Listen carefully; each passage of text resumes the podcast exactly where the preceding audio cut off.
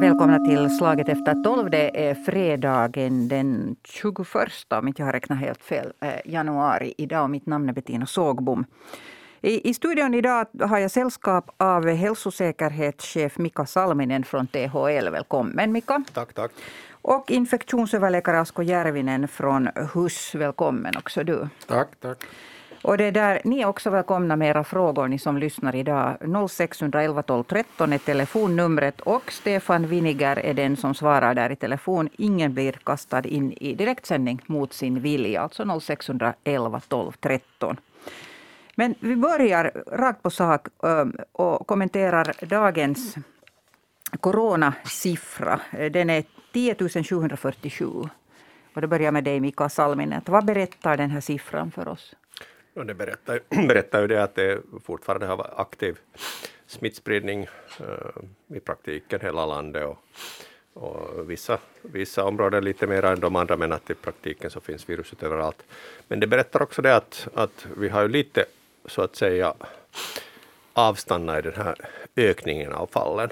Uh, är det liksom permanent eller är det temporärt eller, eller börjar vi gå neråt så det kan vi ju inte säga ännu men att det där åtminstone så ökar de inte, uh, fördubblas inte liksom varje vecka så som det var här vid ett tillfälle. No, hur räknas de här fallen? Alltså man säger 10 747, vad är, det, mm. vad är det för siffra? Vad är det vi räknar? No, det är ju bara den siffra som, uh, som kommer från de som har gått på uh, de här officiella testerna. Att sen har vi ett mm. stort mörkertal, alla som har gjort sina egna tester eller som inte alls, alls då det där eventuellt ens känner sig sjuka men ändå har, har, har smittan. Så att det är helt klart att det är ju mångdubbelt, liksom den verkliga siffran är mångdubbel från det här 10 000 per dag. Mm. Och nu, har, nu har vi eh, haft en massa restriktioner och restriktioner kommer och restriktioner går och, och, och, så skärps de och så släpps de. Ibland det är det så här det är att leva med en pandemi. Men eh, då vänder jag mig till dig Asko Järvinen. Vi har talat mycket om att, att det är nu på grund av att, att eh, sjukhusen och, och alltså vården ska hinna med som vi har restriktioner. Eh, det är inte därför för att, att eh, det längre skulle vara att det är så väldigt många som, som blir direkt dödssjuka av, av själva coronan. Men, men det där, hur ser läget ut nu just på, på hus som du nu representerar? No, jag kan, jag kan tänka att det ser lite ljusare ut kanske på det sättet. Vi har ju patienter mer än, än någonsin tidigare, eller samma toppsiffror som vi tidigare har haft.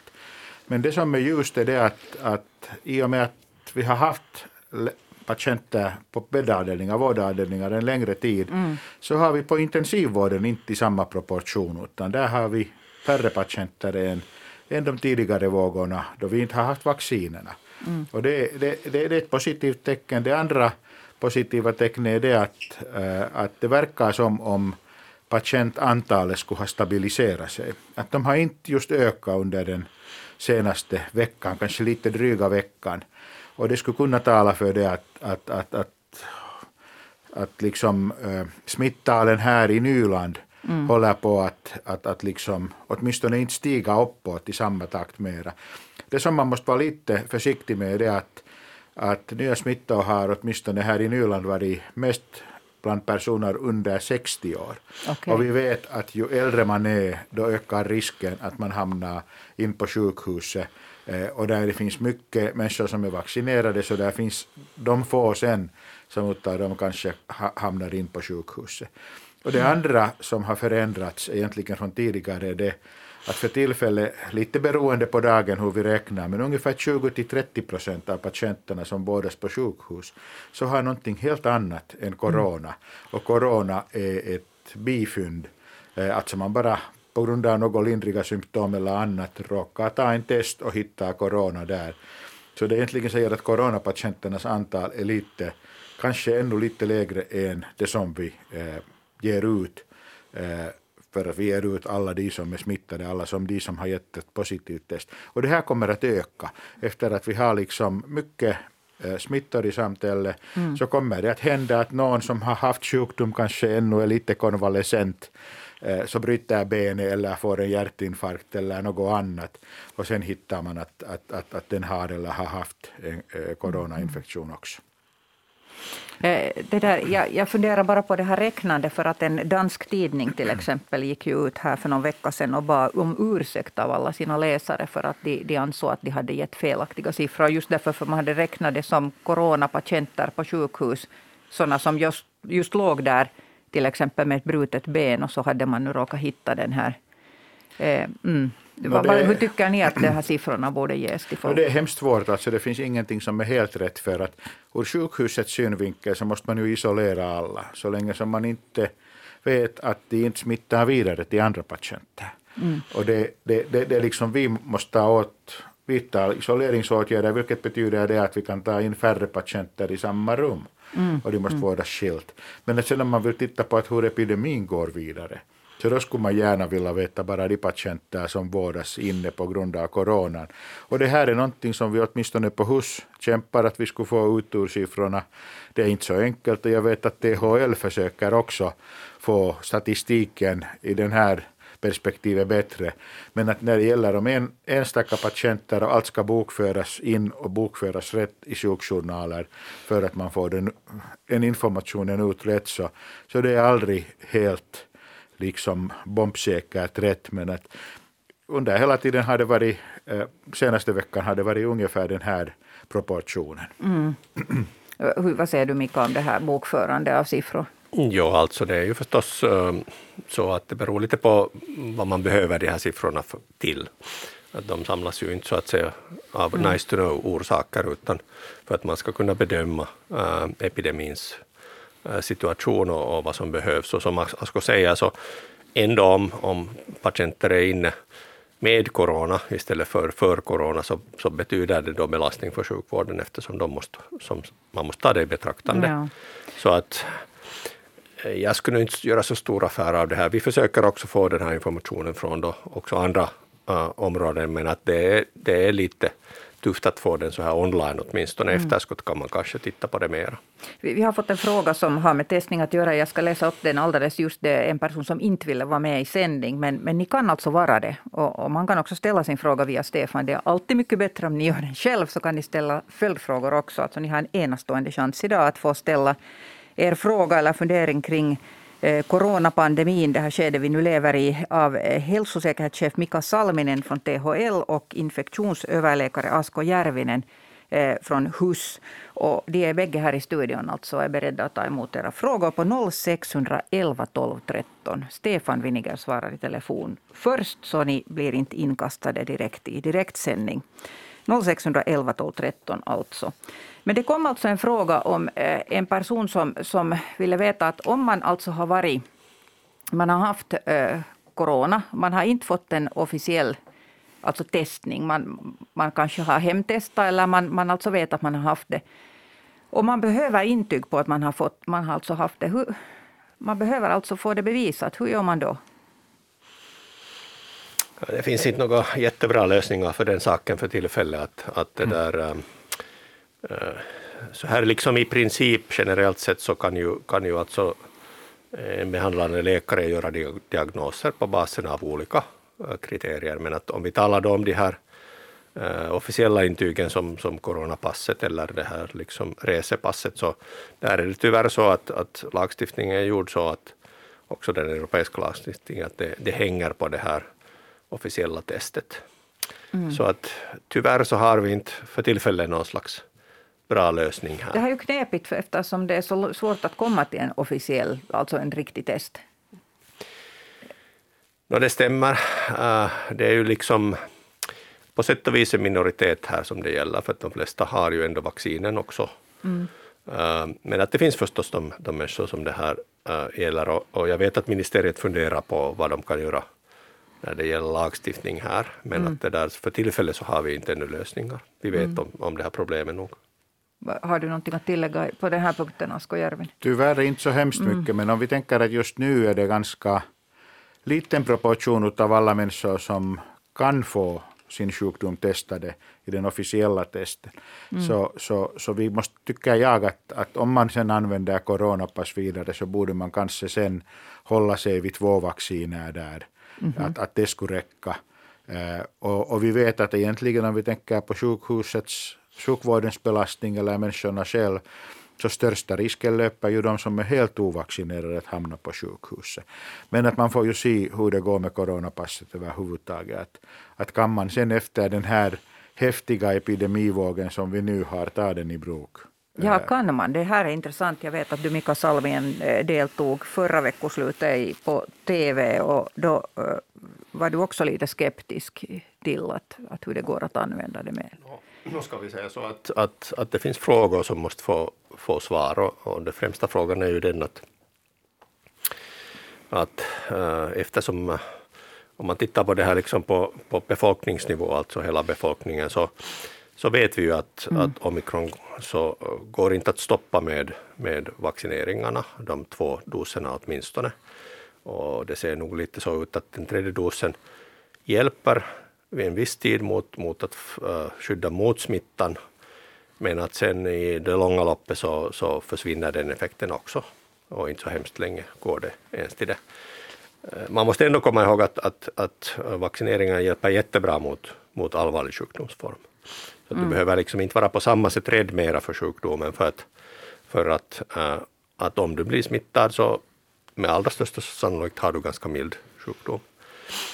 Så att det där, eh, det, vad det här betyder är det att när coronapasset då byggdes med, ut, utifrån den tanken att, att man hindrar smitta där var folk är äh, vaccinerade. Ja.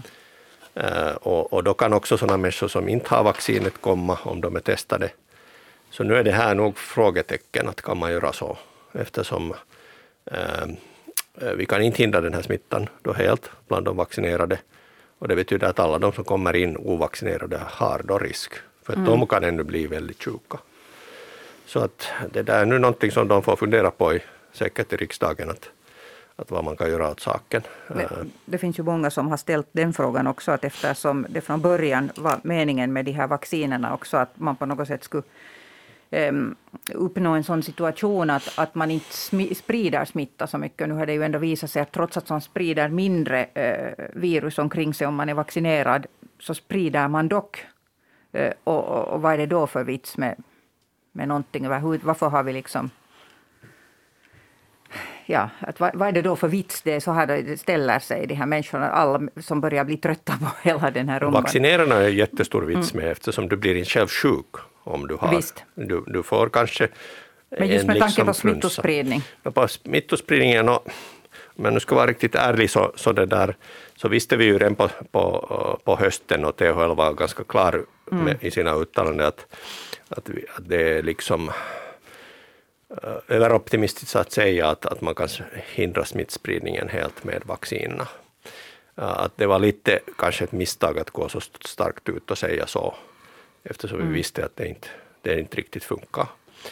Mm. Uh, och, det här, uh, och, och, det byggde liksom en, en, en liksom uppfattning i befolkningen att, att så här fungerar det, men, men, men så är det tyvärr inte. Mm. Och omikron har gjort det ännu svårare och det har ju förstås varit en liksom ny sak som man måste bara uh, tampas med. Det kan vi inte så hemskt mycket åt. Den kom och det måste vi nu sen leva med.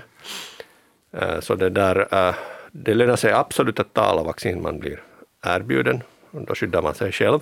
Mm. Men att sen, just i det här, om man tänker sig att, att vi vill att samhället ska vara öppet och vi vill att folk ska kunna gå på bar och ska kunna gå på restaurang och ska kunna gå på teater och, och, och, och vi vill inte ha restriktioner hela tiden. Så då finns det ändå liksom en, en möjlighet att de vaccinerade kan gå för de blir inte sjuka.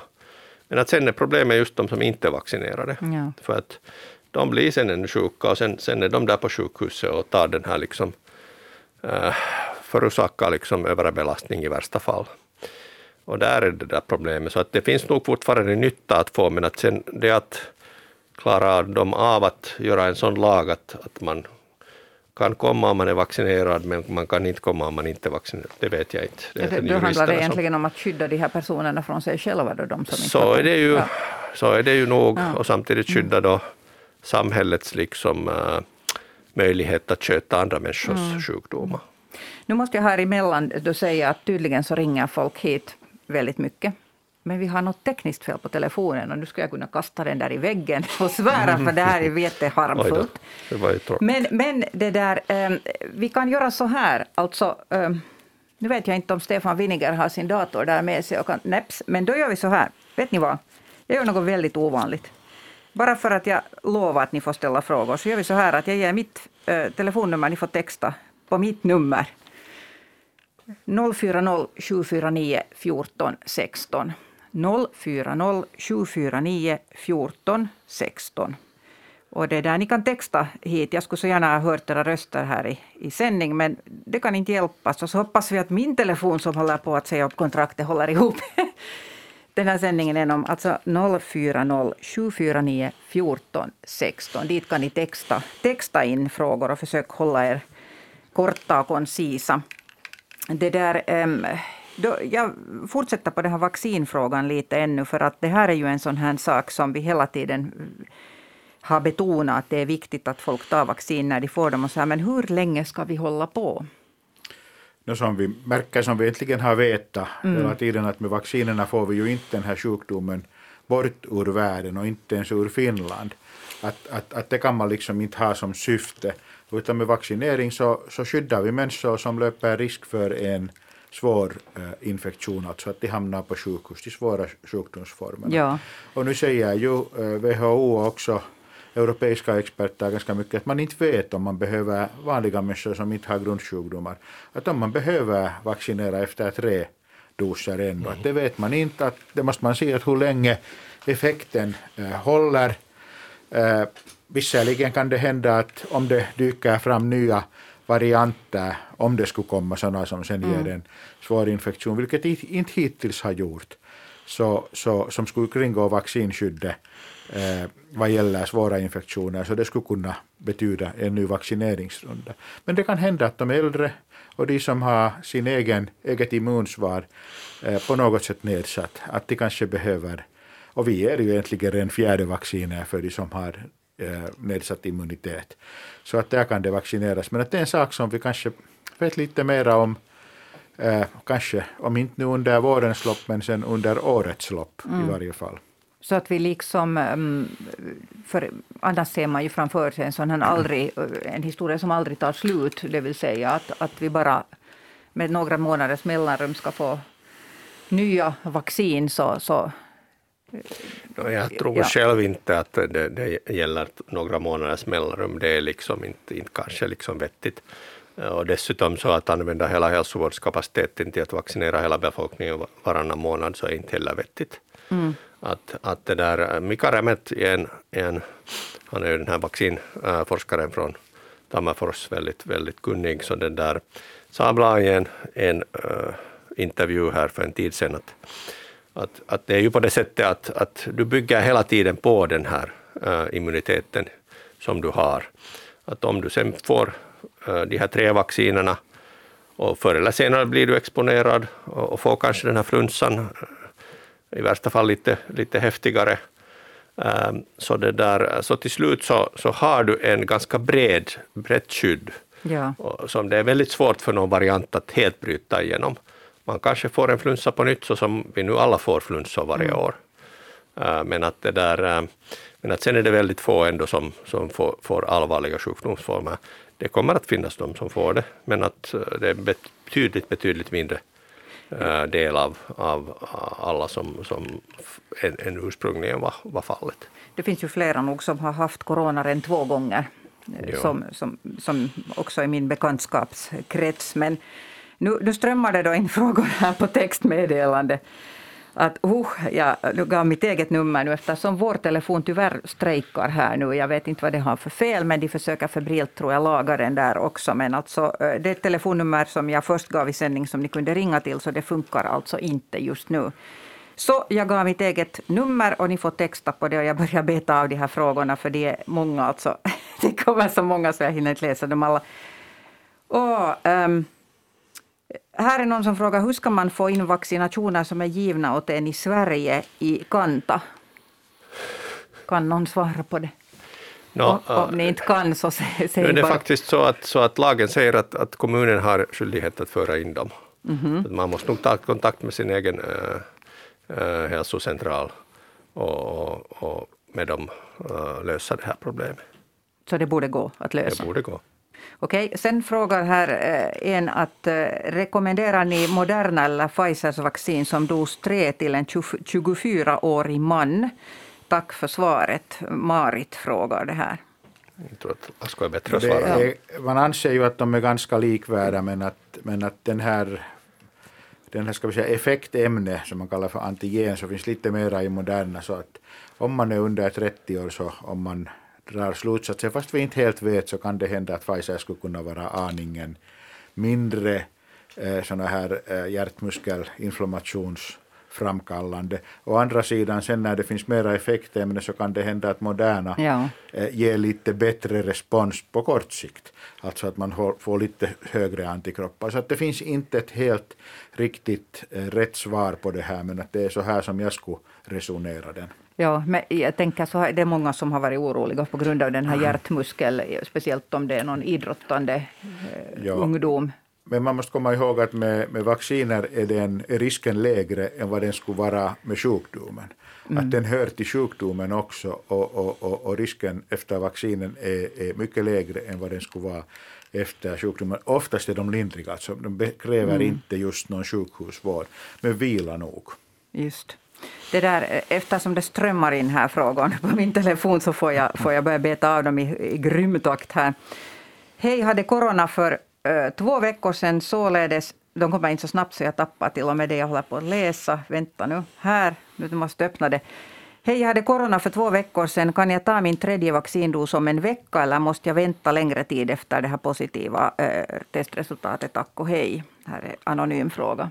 Man brukar rekommendera att det skulle vara tre till fyra månader efter det att man har haft okay. sjukdomen. Och egentligen är det onödigt också att ta den nu för att du har, den här som frågar så har egentligen fått en ganska bra sån här liksom retning för eget immunsvar av den här sjukdomen. Och då kan man tänka sig att om man tar den senare så då får man en bättre mm. eh, liksom långvarig skydd, att man förlänger skyddet med vaccinet lite senare. jag skulle inte vara eh, liksom försöka eh, försöka liksom åtminstone skynda på det. Egentligen tänker man att om man har två vacciner och en sjukdom så det är lika med tre vacciner så att man kan fundera att behöver man överhuvudtaget ta Precis. Okay.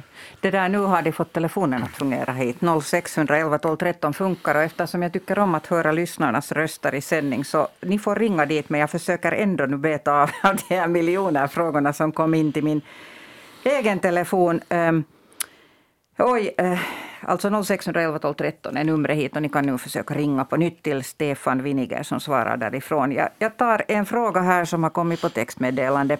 Hej, har fått två vaccindoser och har således ett coronaintyg från Omakanta. Är det i kraft? I alla fall så duger det inte i länder där tidsbegränsning på sex månader från, från andra vaccineringen, skriver Mikael som känner sig lurad. Alltså han frågar att är det i kraft det här coronaintyget efter sex månader? Uh, no, det, som sagt så finns det de länder som har sina egna... egna men i Finland? I Finland borde det väl vara ännu. Jag tror att det är nio månader hos oss, men att det där, där måste jag kanske kolla upp. Okej.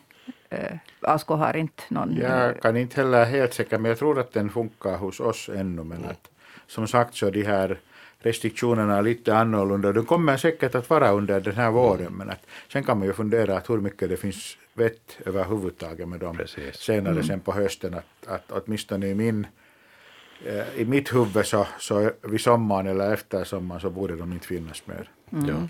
No, nu kommer här, jag trodde det var en fråga, men jag öppnar här först. Här står stor beundran för herrarna Salminen och Järvinen för deras extremt professionella hantering av hela pandemin och kommunikationen runt den. Vad skulle världen vara med alla virrpador och foliehattar utan proffs om dessa? Stor respekt. Det var kom bara en hälsning till er. Men alltså jag har så många textmeddelanden att jag kommer att tillbringa hela veckoslutet med att läsa de här. Vi har däremot någon på tråden nu, så eftersom jag sa att ni får ringa så tar vi in ett samtal. Hallå, vem har vi med oss? Hallå? Eh, Ralf Nikander är mitt namn. Päivä, god dag. Hej Ralf, du får gärna nu fatta dig eh, rakt på sak med frågan, för det är så hemskt många som vill fråga. Jag har mycket vänner i Sverige och talar ofta och de har haft och känner bra till coronan och där säger man alltid när man talar med svenskar att det är jätte, jätteviktigt att ni vet att när ni ligger så får ni aldrig ligga på rygg, ni ska alltid ligga på magen. Och det har jag aldrig hört att någon skulle säga i Finland, men hur är det? Eh, Ja, man Tack har för gjort, frågan, Ralf. Man har gjort en forskning på det och egentligen de som är mest all, allvarligaste sjuka på intensivvården så de, de flyttas över till magen för att då ventileras lungorna bättre. Och samma sak har man gjort med patienter som har hamnat på vårdavdelningen, att då kan man få liksom syresättningen bättre. Eh, Det har jag sagt någon gång där i början, var jag har varit ute i offentligheten.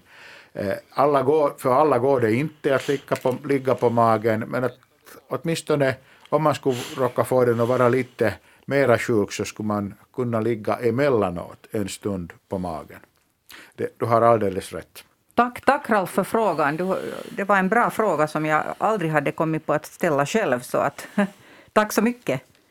Jag kan säga härifrån, jag Ja, koll- kollade varsågod. här med den här coronapassets giltighet och, och, och det är faktiskt så att för tillfället i Finland så är det efter två doser i kraft 12 månader, men från februari framåt så, så gäller nio månader inom EU. Men att länderna har sina egna bestämmelser så att om du reser så ska du nog kolla det. Därför kände han sig lite lurad. Men att alltså i Finland så, så gäller längre än sex månader då i alla fall. Eh, här är flera som är kö och vill, ringer hit och så kommer det massor med textmeddelande frågor ännu. Så att, att jag tar kanske samtalet först. Vem har vi på tråd? Hallå? Hallå? Hallå, du är med i sändning. Hallå? Hej, Ja, vem är det jag pratar med?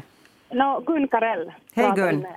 varsågod. Ja, jag ringer, tack. Jag ringer och frågar en sådan sak att eh, min dotter eh, bor i Finland, jobbar i USA, har fått två Pfizer-doser i USA av arbetsgivaren, kom hem emellanåt och fick dem in i Omakanta men inget coronapass. Och nu har hon fått sin tredje dos av arbetsgivaren i USA.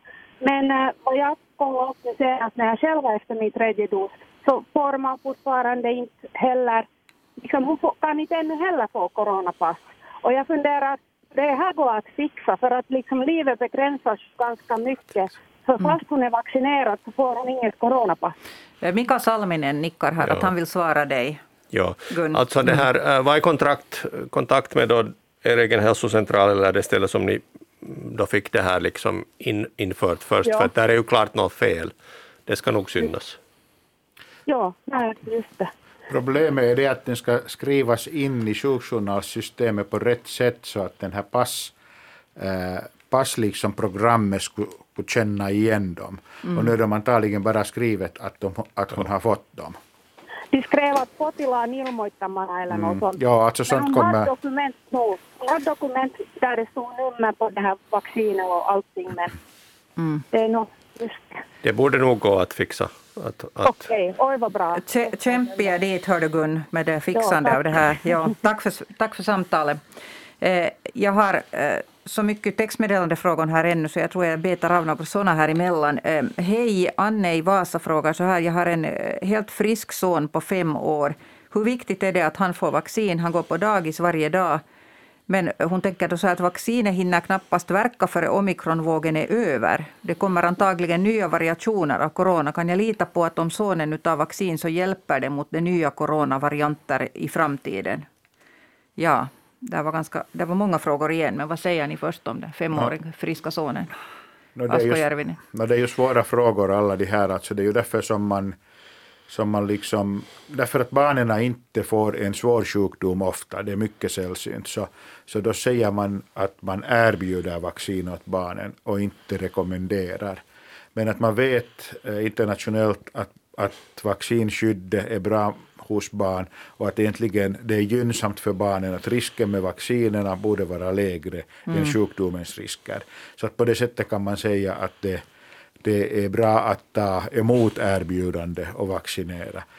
Som vi talade här tidigare, att kan man sen lita på att den ger skydd för nya varianter så ingen vet med helt med säkerhet, men att hittills har ju alla, eh, alla varianter liksom eller vaccinen gett skydd mot alla varianters svåra sjukdomsformer. Så att man kan anta att så, så skulle vara också i framtiden. Men helt säker kan man ju inte vara.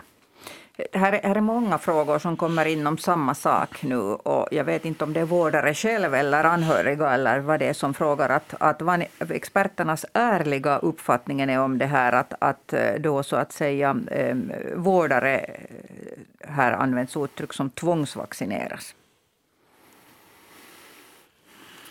Ja, Eh, det, det, det, här finns många förklaringar om det också. Här är människor som menar på att, att eh, det problematiska är att vi redan har vårdarbrist. Att om vi tappar flera vårdare på det här sättet.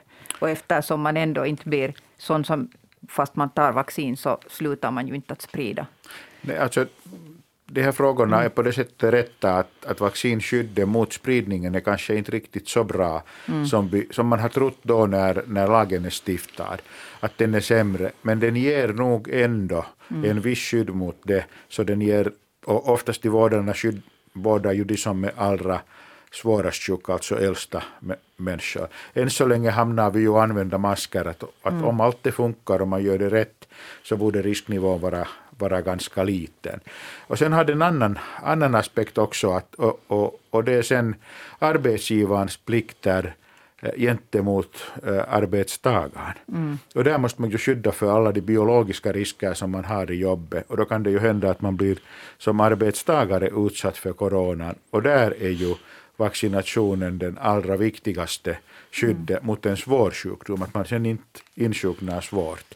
Men om, eh, om, men om vårdaren själv är, tillhör eller en sån person som inte vill av någon, någon anledning ta vaccin och ändå skulle vilja utföra sitt jobb och, och det, där, det är liksom det som de här människorna nu har åtminstone tre textmeddelanden. Och så är det och, och, och, lagen säger att om man har brist på personal och man, och man tvingar liksom använda alla så kan man mm. också använda, använda utav de ovaccinerade om man inte kan flytta dem till andra uppgifter. Det här har man egentligen utövat med influensavacciner redan en längre tid och då kan det hända att man har satt att de vårdare som inte är vaccinerade använder munskydd en längre tid eller använder munskydd under epidemitider.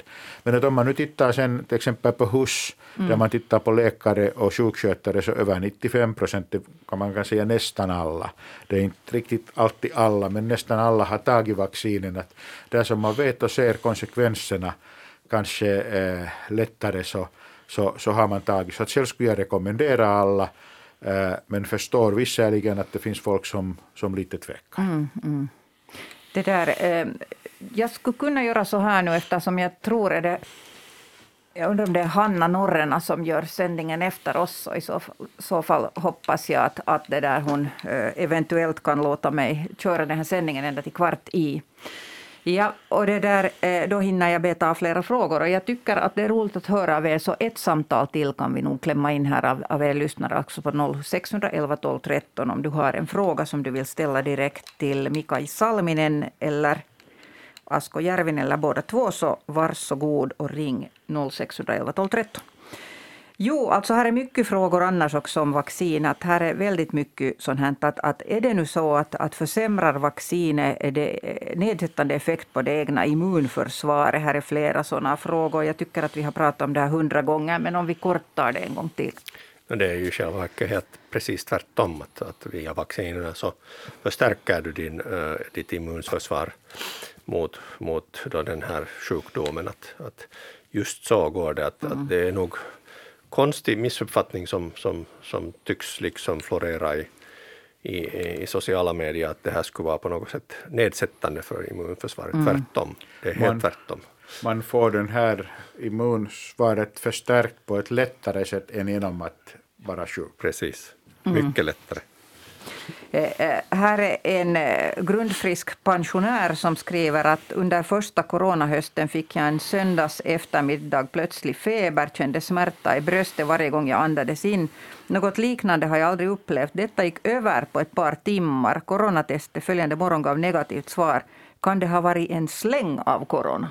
Antagligen inte, för att om, det, om, det, om symptomen skulle ha varit på grund av corona skulle testet ha varit positivt om det då var gjort, det här PCR, mm. officiella testet. Om det har varit fråga om hemma hemgjort test, sån här hemtest. Så jag tror inte att det kan, fanns såna då. Nej, för, inte då nej, ännu. Ja. Men att om det nu görs ja. med hemtester, så först fast man har fått symptom så vet jag många fall där testerna har varit negativa, att då ska man upprepa det här hemtestet några dagar senare. Ja, tack för det konkreta tipset. Vi har ett samtal på tråden. Eh, vem har jag med mig? Hallå? Hallå? Hallå? Japp, du är i sändning nu. Vad heter du? Eh, Maj-Len Juska. Hej Majlen, kan du uh, vara kvick och koncis och ställa en fråga till våra experter i studion? Jo, tack. Eh, mitt barnbarn som är tio år konstaterades att hon har corona igår enligt testen. Och hennes föräldrar har tre vaccinationer och systern har tre. Men hur stor är risken nu att de kan insjukna? Eh, Risk, Ungefär. risknivån är ungefär 50 procent. Någonting där. Alltså, man är ju ganska mycket utsatt när man bor i samma hushåll. Så då är in, Ja. där insjuknar man, insjuknar man lättare. Och, och eftersom vaccinet ger bara ungefär en 50 procent effekt mot här, den här omikronvarianten så har de tyvärr en ganska stor risk att bli sjuka. Eh, Och sen kan det också hända att det blir först en sjuk som sen igen hinner smitta en annan i familjen. Så att tyvärr kan smittan gå runt i den familjen ganska, ganska länge. Att de måste vara påpassliga med kontakter med andra människor utanför hemmet. Det var, det var ett väldigt konkret och, eh, svar, eller hur Majlen? Jo, tack. Ja. Tack för samtalet Majlen. Vi har ännu ett samtal på tråden. Det tänkte jag också försöka eh, klämma in här. Hallå, vem har jag med mig? Erik von Schantz från Hallå, nu, nu drog någon ner fel kanal. Hallå ja. Fredrik von Schantz. Nå, ja, Hälsningar hej. på juldagens. Ja, hej. Du hör mig. Ja, jag hör dig och nu får du ställa din fråga. Hör du, jag har inga frågor, utan jag bara vilja meddela egen åsikt om hela pandemin. Det lönar sig att ta vaccin. Våra barn tar också vaccin. Jag har en som är två, en som är fyra och en som är sju. Och den äldsta fick just. Jag får tredje nästa vecka själv. Jag blir, tar nog hellre vaccin än blir mycket sjuk. Så, så du, du vill alltså inte ställa en fråga, du vill bara uppmana folk att, att ta vaccin? Ja, mycket gärna, mycket gärna uppmana folk att det, det lönar sig nog. Det var kloka ord. För jag tror ändå att det... Jag har inte fått något... Lite sjukt i armen nog av två pick, men det var nog allt jag fick. Och jag tar gärna en tredje så man inte hamnar på intensiven. Om man skulle råka få fanskapet med sig. Om man skulle råka få fanskapet med sig. Eh, tack för samtalet Fredrik. Och jag hoppas alla andra lyssnare också Jo, gör likadant jo, ha, ett, ha ett bra veckoslut Fredrik och tack, tack för det här samtalet. Eh, det, där, eh, det som sagt, vi hade tidigare här i sändningen hade problem med, med det där telefonen och då uppmanar jag er att skicka textmeddelanden till min privata telefon som jag råkar ha i studion här samtidigt och, och det har kommit så mycket textmeddelanden här. Jag är hemskt ledsen att jag kommer inte att hinna läsa upp alla, men jag plockar nu ett härifrån ännu. Eh, här är någon som skriver så här att har fått mitt tredje vaccin för en månad sedan och, och den här personen är över 70 år. Är det tryggare att nu möta barnbarn i skola eller dagis med mera? Där har de ju corona i sina grupper. Snart avtar ju, ju mitt skydd. Blir det då värre symptom för mig senare? Om man tänker eget, eget liksom skydd så är det ju den bästa som man kan ha just nu mot infektion. Men antagligen efter två vacciner har man en ganska bra skydd mot en svår infektion. Alltså att sjukdomen skulle bli svår. Ja. På det sättet. Men att, eh, sen om man tänker på, på risknivån här så just nu lite beroende var lyssnaren eh, bor. Men att om man bor i ett till exempel här i huvudstadsregionen där man kan säga att det finns mest smitta just nu, eller har funnits, så är ju liksom risken att man blir smittad av barnen och lite större.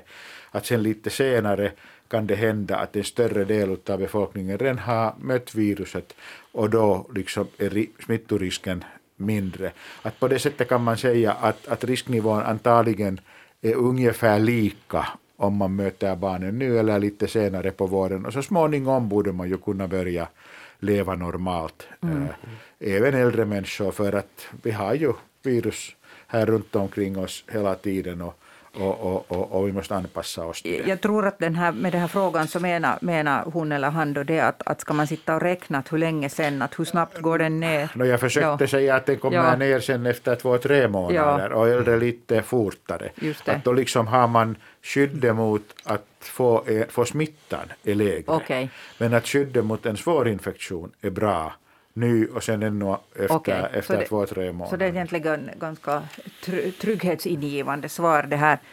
Eh, En sista fråga här från min sms plockar jag in och sen är det dags att ge över till långa vädret. Det är hur pålitligt är PCR-testet? Och då berättar den här personen tre hemtest eh, eh, positiva och sen var PCR-testet negativt. Och sen ett nytt PCR-test gjordes tre dagar senare och då var det positivt. Och den här personen har tre vaccindoser och är mycket förvirrad. Nu vet vi inte om vad är tidsintervallet mellan Ah, de här nej. hemtesterna och sen PCR som var negativt. Men, att, eh, men att det kan ju hända att om sen det har varit lite längre tid som man kan anta innan man har kommit in till PCR-testet så kan det hända att virusnivån har kommit ner. Och den hittat, men egentligen är ju test är ju lika bra som den, hur man tar testprovet.